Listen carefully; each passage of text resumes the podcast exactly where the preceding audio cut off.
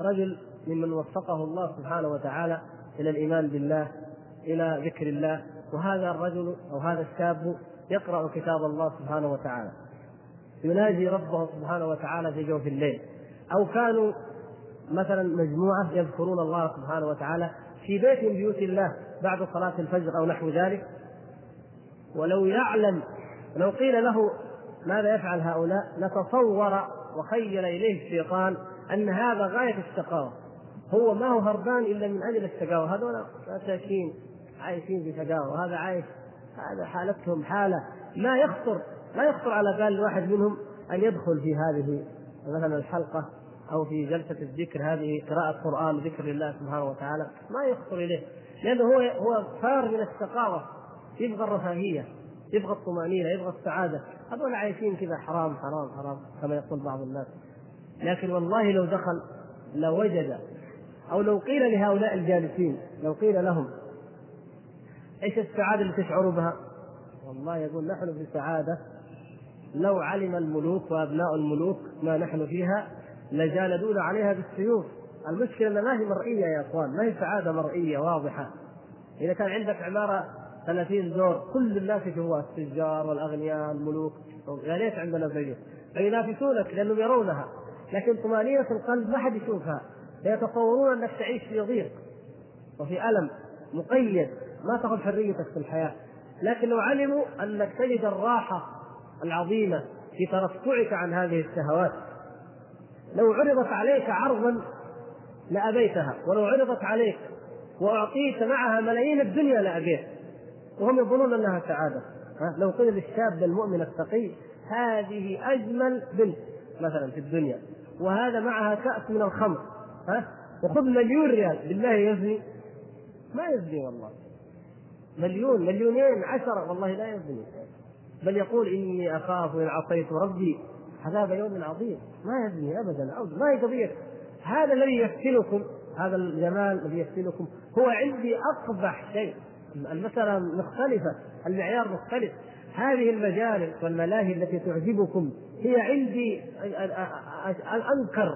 لو قيل لو أن أحدا من من المؤمنين الأخيار الأتقياء خير بين أن يسجن في غرفة مظلمة وبين أن يجلس في مجلس لا يذكر فيه الله تعالى لا يذكر فيه اسم الله ولا يصلى فيه على النبي صلى الله عليه وسلم وإنما هو مجلس له وطرب وغيبة ونميمة وفساد وكلام مما يسخط الله عز وجل بالله أي أي الحالين يختار الشاب التقي؟ يقول الغرفة المظلمة أحسن من هذا المجلس. إذا ما يرونه هم مجلس طمأنينة وسعادة وراحة. هو بنظر هذا الإنسان عذاب وضنك لا يريده أصلا. لكن الحقيقة أين في القلب؟ لا يدري هؤلاء. لا يدري. كثير من الناس ولو دروا لعرفوا. بل من من الله تبارك وتعالى من من الله تبارك وتعالى عليه بالهداية يحدثكم عن هذا بالعجائب. يقول لكم كيف كان في حالة المعصية؟ كيف كان يبحث عن اللذة والشهوة في كل مكان؟ فلا يجد إلا الشقاء وإلا الخسارة وإلا النكد وإلا ضيق الحياة والهم الذي لا يفارقه؟ فلما آمن واطمأن بالله سبحانه وتعالى اطمأن إلى ذكر الله أصبح يرى الأمور أصبح يرى السعادة الحقيقية يرى أكبر ما يدعو إلى القلق يراه مما يدعو إلى الراحة مما يدعو إلى الطمأنينة. انظروا أكبر من أن الإنسان يفقد مثلا ابنه أو زوجته زوجة وحيدة جميلة يحبها ففقدها أو ابن آه، صالح وحيد بار فقده ماذا يشعر الإنسان وهو في حالة الإيمان؟ ماذا يقول؟ كيف يطمئن إلى قول الله تبارك وتعالى الذين إذا أصابتهم مصيبة قالوا إنا لله وإنا إليه راجعون أولئك عليهم صلوات من ربهم ورحمة وأولئك هم المهتدون. افرح صلوات ورحمة وهداية وبعدين يصبر إلا لله وإنا إليه راجعون لله ما أخذ ولله ما أعطى. يجد طمأنينة ويجد راحة في الموقف الذي هو موقف ألم وبكاء وحزن وشقاء لكن الذي لا يؤمن بالله سبحانه وتعالى ولا يشعر بهذه السعادة إذا غيرته المعشوقة عشقت غيره أو هويت غيره ينتحر. إذا الصفقة التجارية هذه كان يأمل فيها شيء فحصل فيها الخسارة ينتحر والعياذ بالله. كل شيء قابل أن يبيع نفسه وقابل أن يقذفها بأي بأرخص الأثمان. لماذا؟ لأن كما قال الله سبحانه وتعالى ولا تكونوا كالذين نسوا الله فأنساهم أنفسهم. أنفسهم. نسوا الله فأنساهم أنفسهم. قد عمرك شفت واحد مثلا ماشي في الطريق ناسي فين وقف سيارته مثلا طلع من المسجد ما يدري فين وقف السيارة كيف يلف؟ كيف يدور؟ واحد ناسي ثوبه كيف يدور؟ يدور فين الثوب؟ محتار. كانت زوجته في يده ولا ولده في يده ضيعها كيف يدور؟ ما بالك بالذي نسي نفسه؟ أنساه الله نفسه. كيف يعيش؟ قلق مضطرب خبط يروح يمين شمال. نسي الله فأنساه الله نفسه. نسي نفسه. يعمل لكل شيء إلا نفسه. كيف هذا الكلام؟ يصح أن نقول يعمل لكل شيء إلا نفسه هو ليش يشتغل؟ ليش يجمع المال؟ ليش يجمع الدنيا؟ إلا من أجل راحة النفس الحقيقة غير ذلك يا أخوان الحقيقة لو تأملنا لوجدنا أنه لما أن نسي ربه أنساه الله تبارك وتعالى نفسه فهو يجمع المال للورثة يقول ابن آدم مالي مالي مالي مالي. هكذا يقول النبي صلى الله عليه وسلم. هذا حال الناس. مالي حقي عمايري فلوسي كذا. والحقيقة وليس لك يا ابن آدم من مالك إلا ما قدمت فامضيت أو فابقيت أو أكلت فافنيت الباقي لمين؟ للورثة. إذا يجمع لمين؟ للناس. تجد بعضهم في حاله رثة والبنك مليء بالرصيد الضخم والعمارات موجودة والحياة كلها كم؟ كل انسان يعيش في الستين إلى السبعين وهذا مسكين في الستين في السبعين وفي هذا الحالة ما يهنى يأكل شيء من الطعام وراء الدنيا وراء الدنيا فالمقصود يا أخوان مثل هذه الأمور نحتاج أن نذكر أنفسنا بها لأننا هذه هي الأساس الذي آه، إذا وقر في قلب المؤمن فإنه يفقه دين الله سبحانه وتعالى ويبصره الله فيه إن شاء الله. أخ يقول هل يرى المسلم ربه في الدنيا في المنام؟ نحن نجيب على هذا لأن له علاقة بالموضوع وإن كنا لم نكمل الموضوع الذي هنا لكن المقصود رؤيه رؤية الإنسان المؤمن لربه سبحانه وتعالى في الدنيا في المنام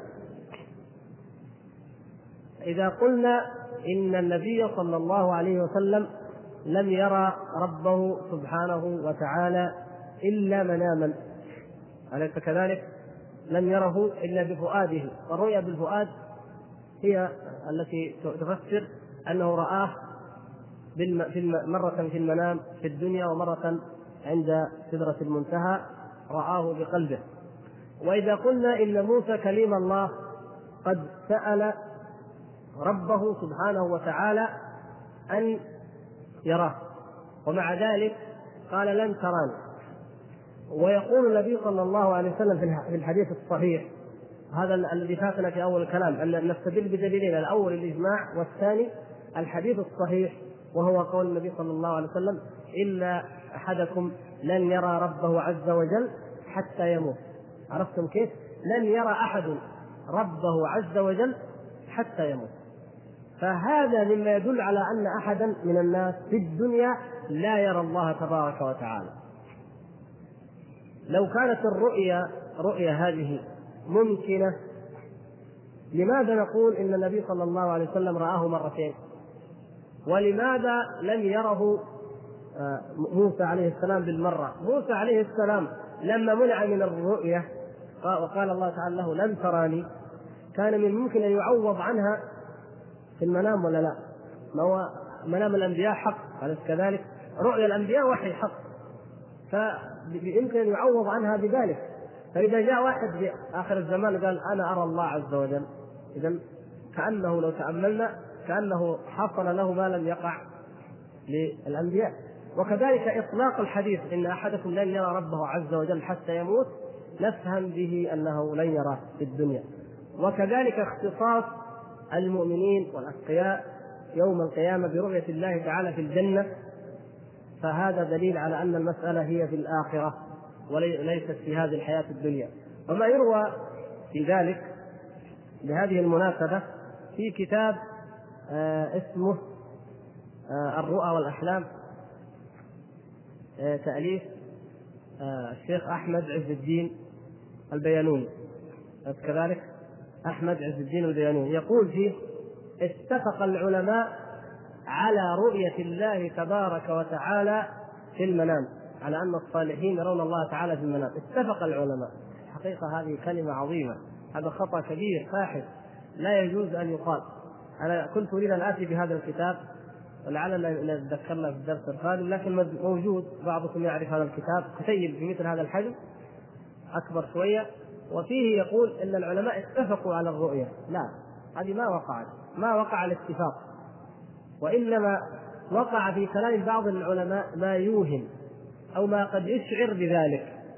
ولكن لو عرضنا ذلك على الأدلة الصحيحة كما سبق لا يثبت من ذلك شيء.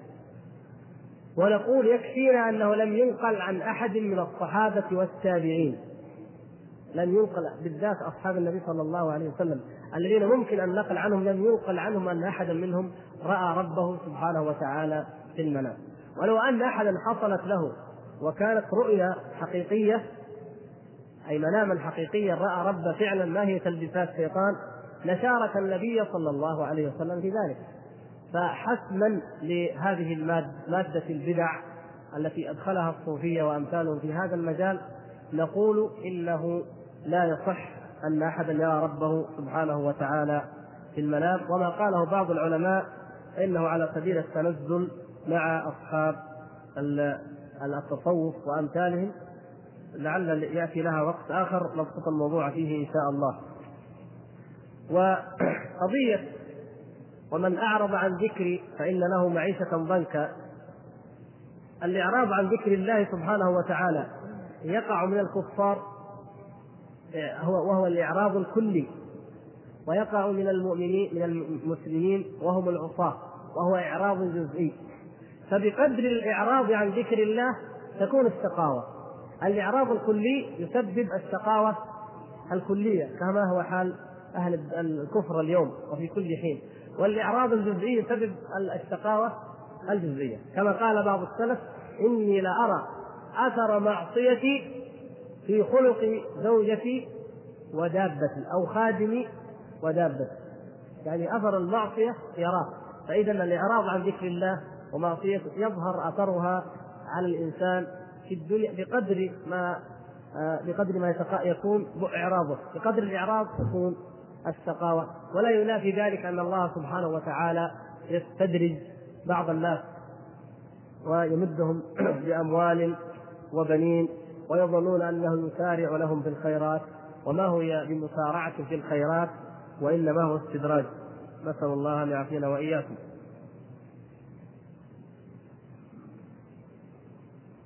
بعدين يقول لعل الناس لم يختلفوا في شيء كما اختلفوا في شأن الإسراء والمعراج. وهذا كلام غير صحيح. إيش الخلاف اللي وقع الذين خالفوا في الإسراء والمعراج هؤلاء كما سبق أن أوضحنا أهل ضلال وإذا قامت عليهم الحجة وكذبوا بالإسراء والمعراج فإنهم كفار مرتدون لتكذيبهم بما ثبت في الكتاب والسنة. هذه عبارة أيضا ليست في محلها. إنما المهم في ذلك هو ما قال في صفحة 84 آه، نقدر نقرأه كم باقي نقدر؟ المقصود هو ملخص ما قال صفحة 84 و 85 يقول إن الأمر قد يشكل على بعض الناس فيقولون وهل لله عز وجل مكان يعرض إليه فيه الرسول صلى الله عليه وسلم شفتوا كيف؟ العقول القاصرة.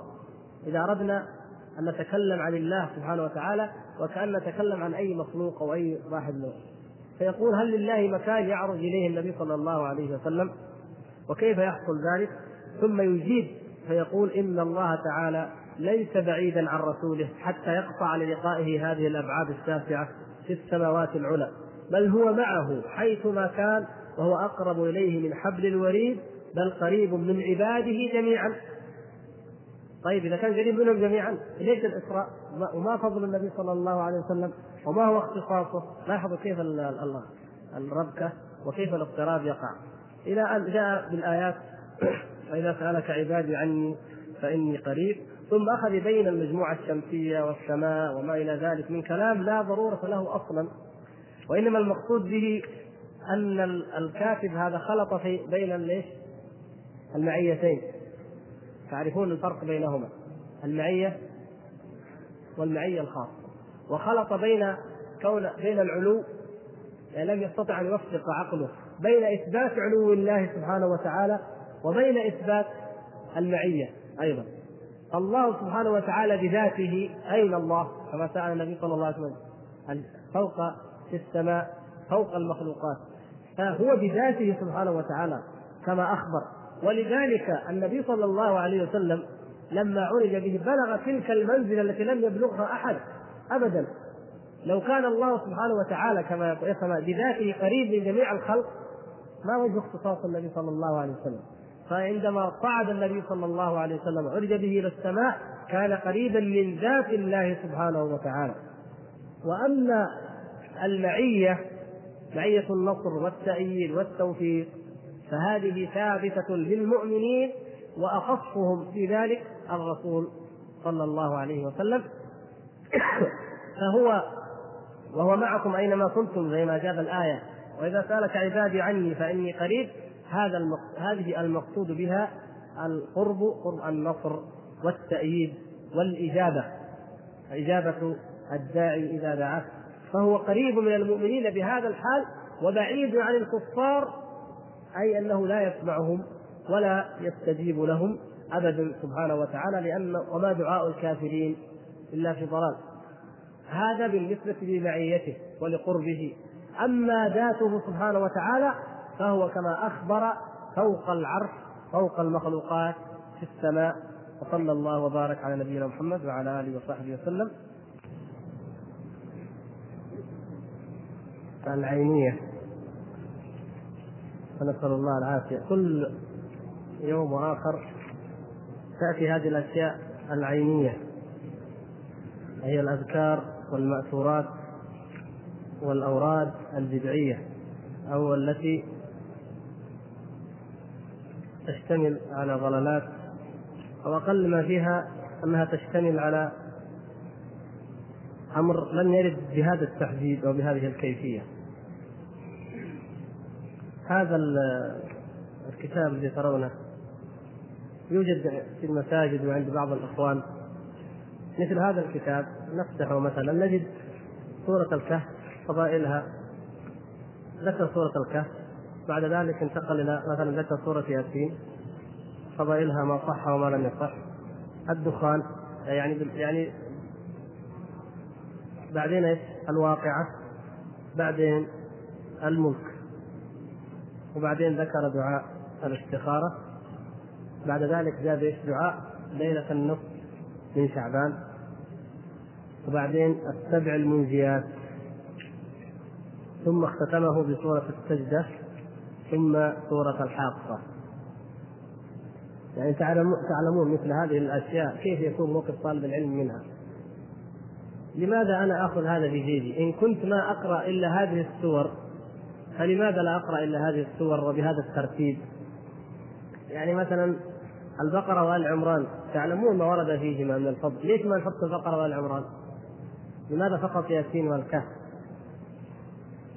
فإذا من الذي شرع أن نأخذ هذه السور فقط من القرآن ونرددها أو نقرأها دون غيرها؟ مع ما اشتملت عليه الفضائل التي ذكرت فيها من أحاديث ضعيفة أو موضوعة.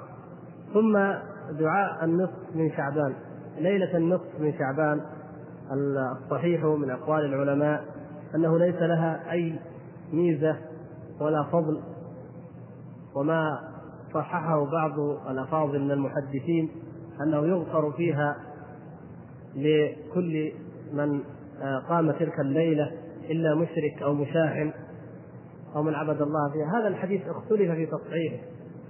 وإذا صححه بعض العلماء فليس هناك ما ما من زيادة نفهمها من تصحيحه له؟ سوى أن الإنسان يتعبد بالشيء المشروع. يعني إنسان يعبد الله سبحانه وتعالى بالأمر المشروع فحتى على هذا القول المرجوح يتعبد الله في تلك الليلة وفي غيرها من الليالي بما شرع الله سبحانه وتعالى.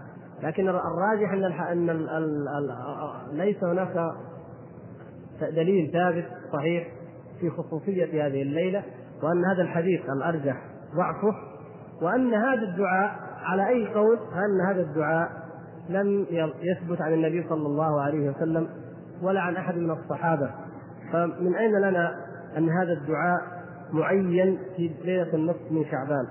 تقرأ اولا بعد صلاة المغرب سورة ياسين ثلاثا. الأولى بنية طول العمر والثانية بنية دفع البلاء والثالثة بنية الاستغناء عن الناس. وكلما تقرأ السورة مرة تقرأ بعدها هذا الدعاء مرة. وزاد لك دعاء اللهم يا ذا المن يا ذا الطول يا كذا يا كذا. إلهي في التجلي الأعظم في ليلة النصف من شهر شعبان المكرم أن تفرق عنا من تكشف عنا من البلاء ما نعلم وما لا نعلم.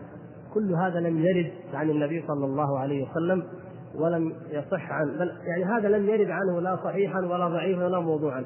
هذا من اختراع بعض الناس اخترع من عنده مثل هذه الأدعية.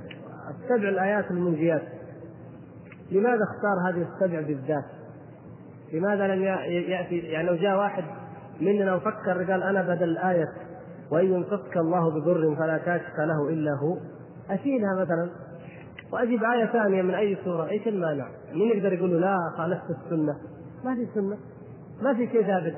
كل واحد يرى رأي أعجبه آه، مثلا أن يكتب آية من الآيات وضعها. ما أعجبته الآية الثانية ما وضعها. اذا من المسرع في هذه الحالة؟ الهوى. ومن أضل ممن اتبع هواه بغير هدى من الله. هذا لا يجوز يا إخوان. ثم اختتم بسورة السجدة. ولا ندري لماذا أخر السجدة وقدم الملك والحاقة. اذا كل هذه أمور أمور تعبدية والتقديم أو التقديم أو التأخير أو الترتيب أو وضعها بهذه الصيغة هذا تحكم لا دليل عليه إنما هو تحكم الهوى فقط. وهذا أيضا الذي أذكار ومأثورات. هذا الأحاديث التي فيه ليست كلها صحيحة ومحكوم عليها. يعني هو يجيب أحاديث فقط. رواه فلان رواه فلان. ما درجته ما حكمه ما يبين. وبعدين جاب في الفضائل فضائل الصور أيضا مما صح وما لم يصح. ففي كتب الأذكار الصحيحة غنية عن أمثال هذه الكتب. ولو لم يكن في هذه الكتب إلا أنها تمهد وتهيئ لغيرها. ولذلك يجب أن نحذر يا إخوان. يعني قد يوزع اول مره مثل هذا. نقول هذا في آيات في أشياء بدع يعني ليست شركيات. بعد فترة يوزع نفس الحجم ونفس الطباعه لكن فيها شركيات. تخرج الإنسان من الدين والعياذ بالله. فالإنسان يوضع له طعم أول مرة طعم. فإذا أخذ من الطعم وقع في الفخ فيجب أن نحذر. لا نقرأ ولا نطلع إلا على كتب. ألفها علماء معروفون أفاضل. صرح لها من الجهات العلمية المعروفة التي تتوثق قبل أن تطبع أي شيء وفيها غنيه عن هذه التي لو شاء أحد أن يطبع من عنده لطبع كما يشاء. وهذا الكتيب الذي ترونه عنوانه راتب الإمام المهدي. العنوان من الداخل كما ترون راتب الإمام محمد أحمد المهدي. ابن عبد الله عليه السلام. طبع بإذن خاص من السيد الإمام عبد الرحمن المهدي وكل نسخة غير ممهورة بإمضائه لا تعتمد وتعتبر غير صحيحة. يعني دقة في الألفاظ وفي العبارات لأنه هذا الورد يترتب عليه شيء مهم جدا. ما يجوز لك تغير كلمة محل كلمة لا حول. وبعدين الإذن بالطبع بشكل واضح. ثم يأتي مثلا صفحة ثمانية يقول اللهم يا مذكورا بكل لسان ويا مقصودا في كل آن ويا مبدئا لكل شان ويا من بيده الأكوان. إلى إلى آخره. يا مالكا لكل جرم وعرض وزمان. أسألك بما توليت به الأولياء المقربين الذين لهم عندك شأن أن تصلي وتسلم وتبارك على سيدنا محمد وعلى آله عدد ما يكون وما كان.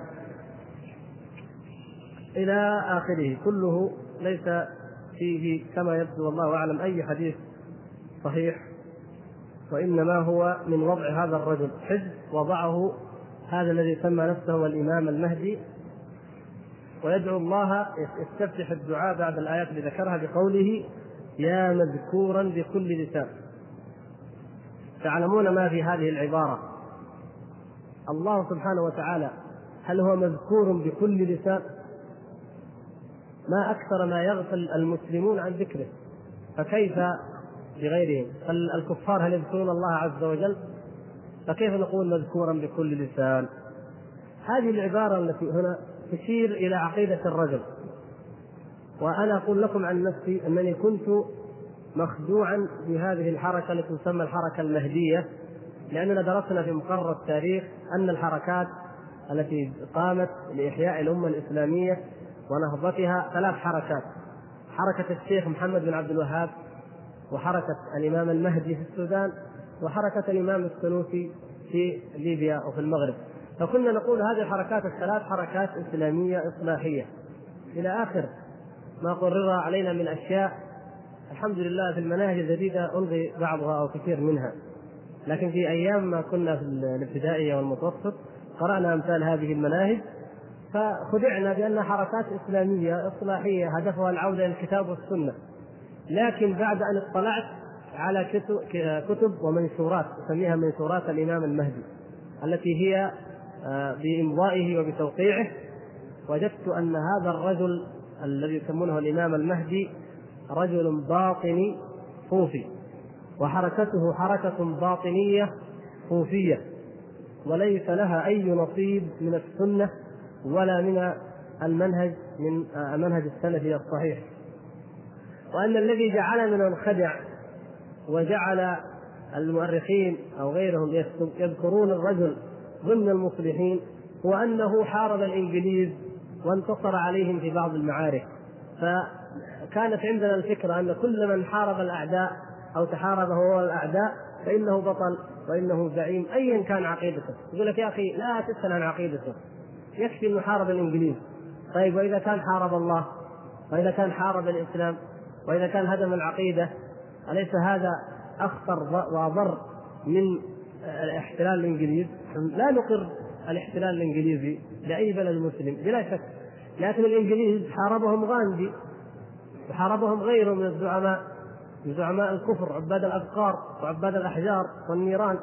ما هي العبرة بأن فلانا حارب الإنجليز أو لم يحاربهم؟ العبرة هل هو على هدى مستقيم أم لا؟ هذا الرجل مما يقول يقول إنه هو المهدي الموعود به في آخر الزمان.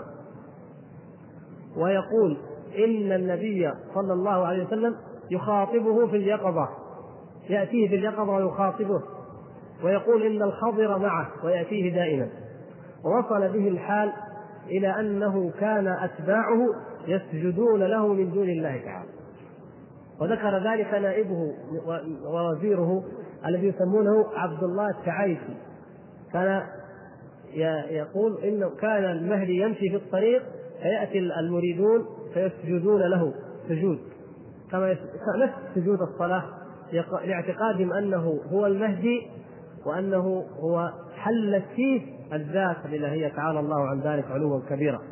فهذا الرجل من خلال كتبه وسيرته ومنشوراته باطني صوفي ليس له نصيب من السنة ولا من اتباع منهج السلف الصالح. وهذا ورده شاهد على ذلك.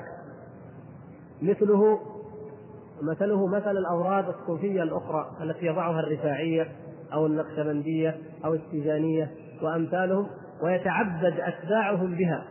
تجد أن المريد من أتباعهم لا يقرأ إلا هذه الأوراد ولا يقرأ ما صح من الأذكار في الكتاب والسنة. والعبودية التي يقدمها أتباعهم لهم شيء عجيب جدا. الرجل منهم يتخلى عن ماله ويتخلى عن آه، زراعته عن مزرعته وعن كل شيء في سبيل أن يكسب رضاء المهدي أو الأئمة المهديين من بعده. والإمام المهدي الموجود اليوم آه، ألف كتاب موجود يباع عنوانه يسألونك عن المهدية. يسالونك عن المهدية.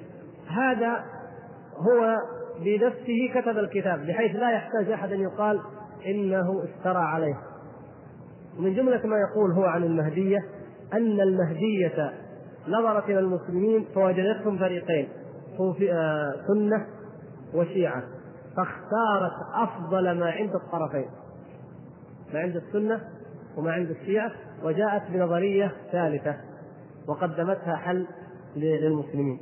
إلى آخر ما عند الصوفية من الخرافات ومن الاستعباد والاستذلال لخلق الله تبارك وتعالى.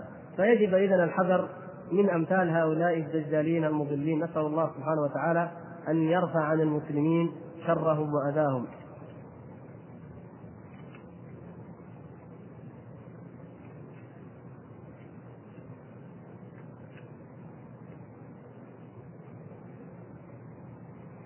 اخ يقول آه، ما رأيكم في كتيبات سلسلة العقائد للكاتب أحمد عز الدين البيانوني؟ هذا الذي أنا آه، كنت ذكرت أنه يقول إن الإجماع بين انعقد الإجماع أو باتفاق العلماء أن الله تعالى يرى في الدنيا هو هذا هذا أحد كتب الشيخ أحمد عز الدين البيانوني.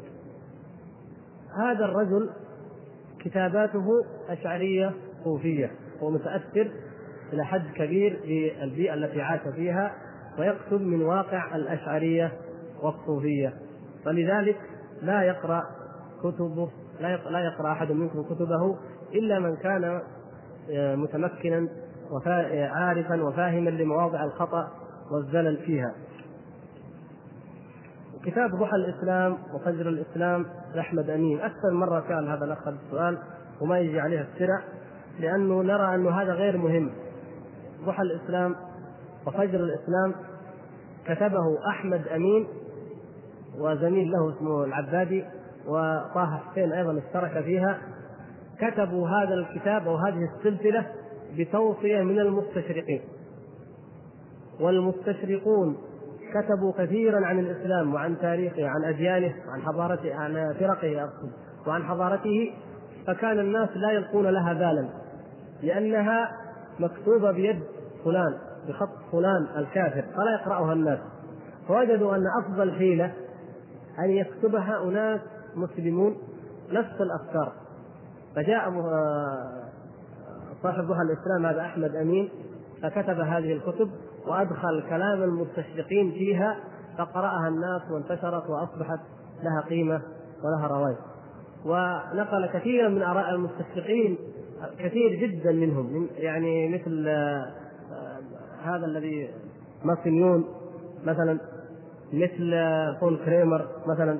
هؤلاء الناس الذين كتبوا وبالذات في موضوعات التصوف وموضوعات الفرق. أدخلها ضمن كتابه. آه، طه حسين أخذ كتابات مستشرق فرنسي آخر اسمه مرجليوس وأدخل كلام مرجليوس ونسبه إليه ووسع فيه وكتبه باللغة العربية. وانتشر لأنه بكتابة طه حسين. ولو أنه من كلام مرجليوس لما نظر إليه إلا المخدوع وهم قلة في ذلك الوقت بالذات مثلا. وهكذا فهذا كتب ضحى الإسلام وفجر الإسلام هي جزء من هذا ولهذا لا ينبغي أن يخدع بها الإنسان وما في ظاهرها من مسحة علمية أو تحقيق أو تدقيق كما يبدو. وإنما هي تدس السم في العسل كما يقال. مصطفى أمين؟ ما في داعي يتكلم عنه إنسان ما يستحق يعني. إيش ما في ما في شيء مصطفى أمين يستحق ان الشاب المسلم يقراه أو يتكلم عنه يعني.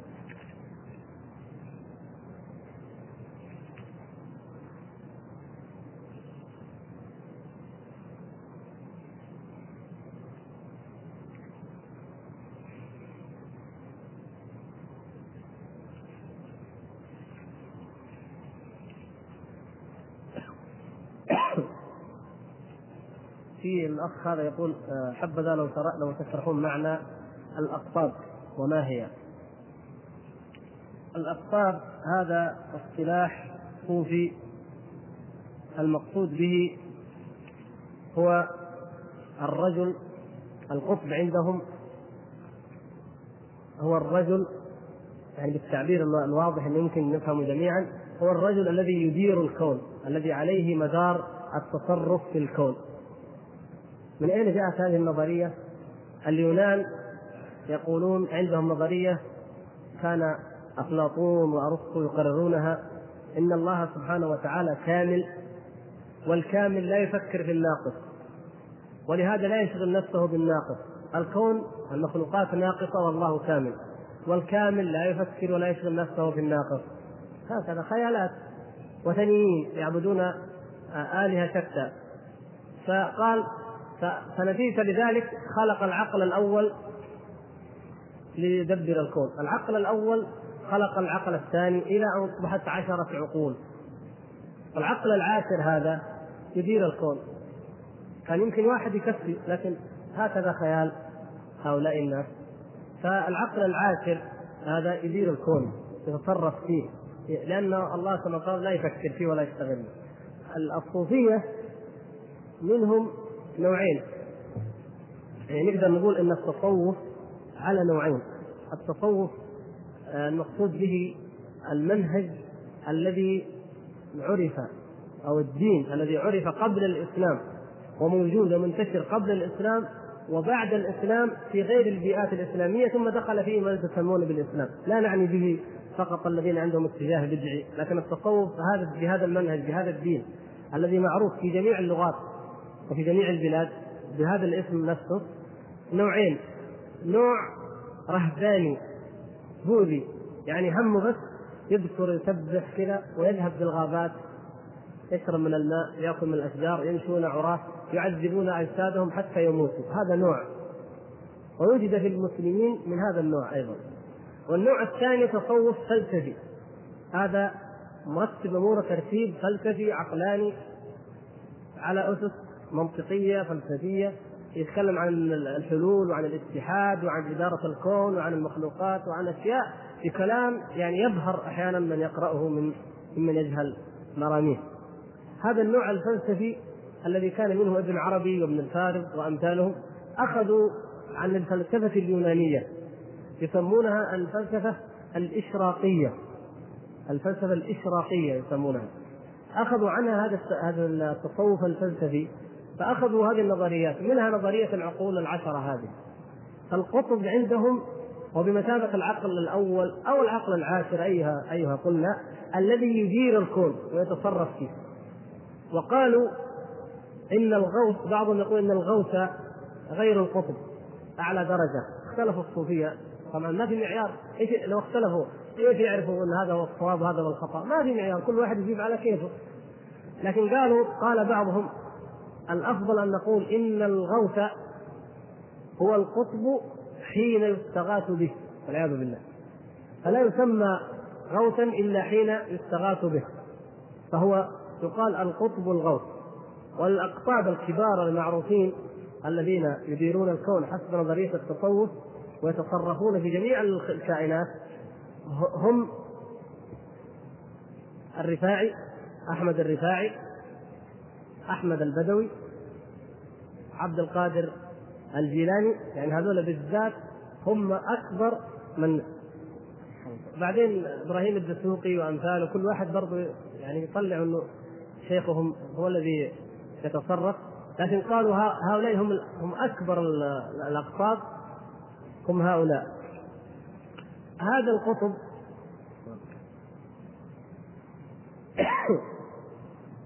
هذا القطب كل شيء من عنده. ليس لله سبحانه وتعالى والعياذ بالله على نظرهم هذا أي تدبير أو تصرف. وإنما هو الذي يدبر الأمر ينزل الغيث ويرزق الناس حتى الأولاد حتى الذرية المال كل شيء عن طريق هذا القطب. ولذلك ما يأتي به القطب ما يمليه فهو القول الحق عندهم. وبعدين القطب هذا شخصية تقدر تقول شخصية بشرية حقيقية تقدر تقول شخصية خيالية. يعني كيف؟ يعني لو تقرأ كلامهم عن القطب الرفاعي. تجد أن الرفاعي إنسان عاش ولد مات يعني زي الناس. لكن في جوانب خيالية مطلق تماما يتكلموا عنها. لما تبغى تطبقها على الرفاعي تجد أنها لا تنطبق على بشر. ما تنطبق على بشر من أي ايا كان هذا البشر. يقول مثلا إن الأقطاب هم منذ أن وجدت وجد الخلق وهم موجودون في الأزل مع الله وموجودون أيضا في الأبد مع الله سبحانه وتعالى. شوف كيف؟ وأنهم يعلمون الغيب وأنهم يدبرون السماوات والأرض وأنهم يفعلون. طيب كيف إذا كان احمد الرفاعي قطب وأنت تقول ولد عام كذا ومات عام كذا. طيب كيف تجمع بين هذا؟ وبين قولك في نفس الوقت إنه مع الله في الأزل والأبد. ما تقدر يعني حقيقة العقل. ولذلك هم يقولوا التصوف يعني من شروطه أن تدخل فيه بدون عقل. أول ما يهدمون في الإنسان عقله. لأنه لو دخل الإنسان التصوف ومعه عقل ما تصوف ابدا. اول ما يهدمون العقل.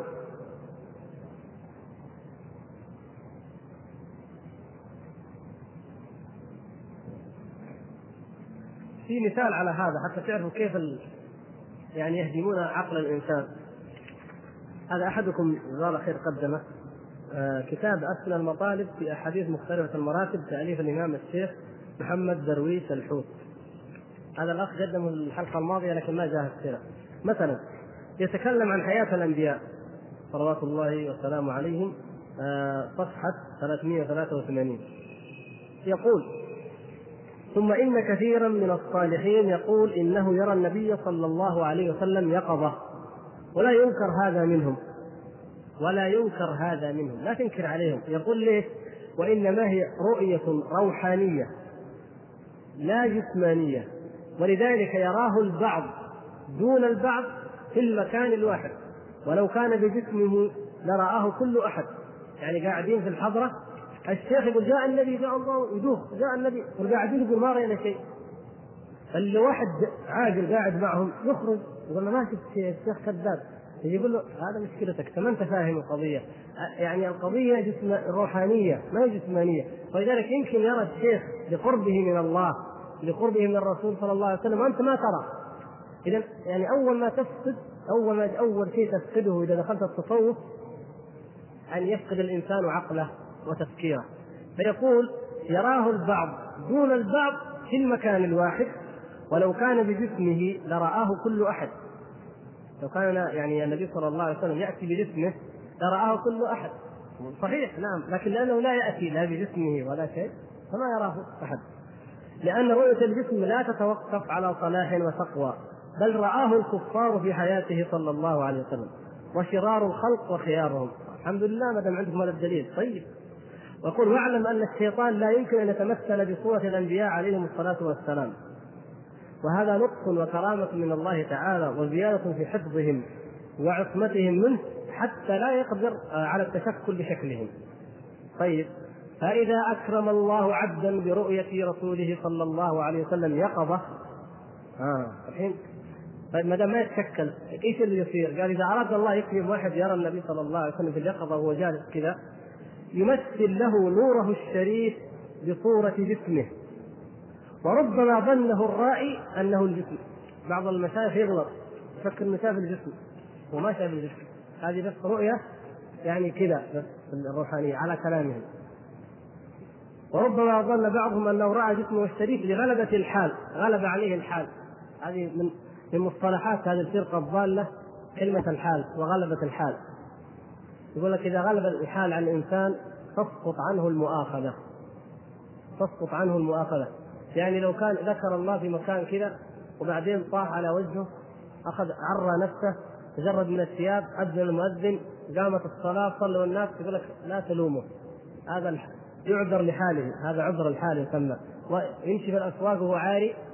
أحد الأولياء كما يزعمون خطب خطبة الجمعة وهو عاري ما عليه أي شيء خطبة. وقالوا معذور لأن الحال غلب عليه. بل قالوا في ثلاثين موضع رآه الناس في ثلاثين بلدة في وقت واحد يخطب الجمعة وهو عريان. برضه معذور لأن الحال غلب عليه. طيب فإذا كان نعذر هذا ونعذر واحد شرب الخمر واحد كان يفعل في الدواب والعياذ بالله يفعل في الدواب علنا امام الناس معذور لغلبة الحال. إذا من هو الزنجير؟ من هو العاصي؟ ممكن كل واحد يشرب الخمر يقول غلب علي الحال. كيف نقول لا والله هذا حال وهذا عاصي؟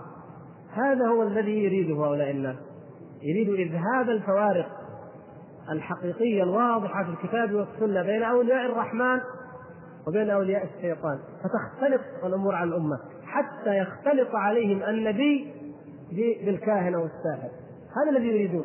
يختلط عليهم القرآن بالشعر. فحينئذ لا يكون هناك أي هدى وإنما يكون الضلال. يقول ومن ذلك يجيب مثل واقعي. يقول ومن ذلك ما وقع لسيده الرفاعي رضي الله عنه. والله أعلم يا الله حين زار النبي صلى الله عليه وسلم وأنشد عند الحجرة الشريفة البيتين المشهورين وهما في حالة البعد روحي كنت أرسلها تقبل الأرض عني وهي نائبتي وهذه دولة الأشباح قد حضرت فامدد يمينك كي تحظى بها شفتي. يقول فمثلت له اليد الشريفة وقبلها. والخبر المذكور مشهور من قبل الإمام المذكور صلوات الله وسلامه وتحياته الطيبات وبركاته على سيدنا محمد وجميع الأنبياء وعلى الأولياء وأعاد علينا من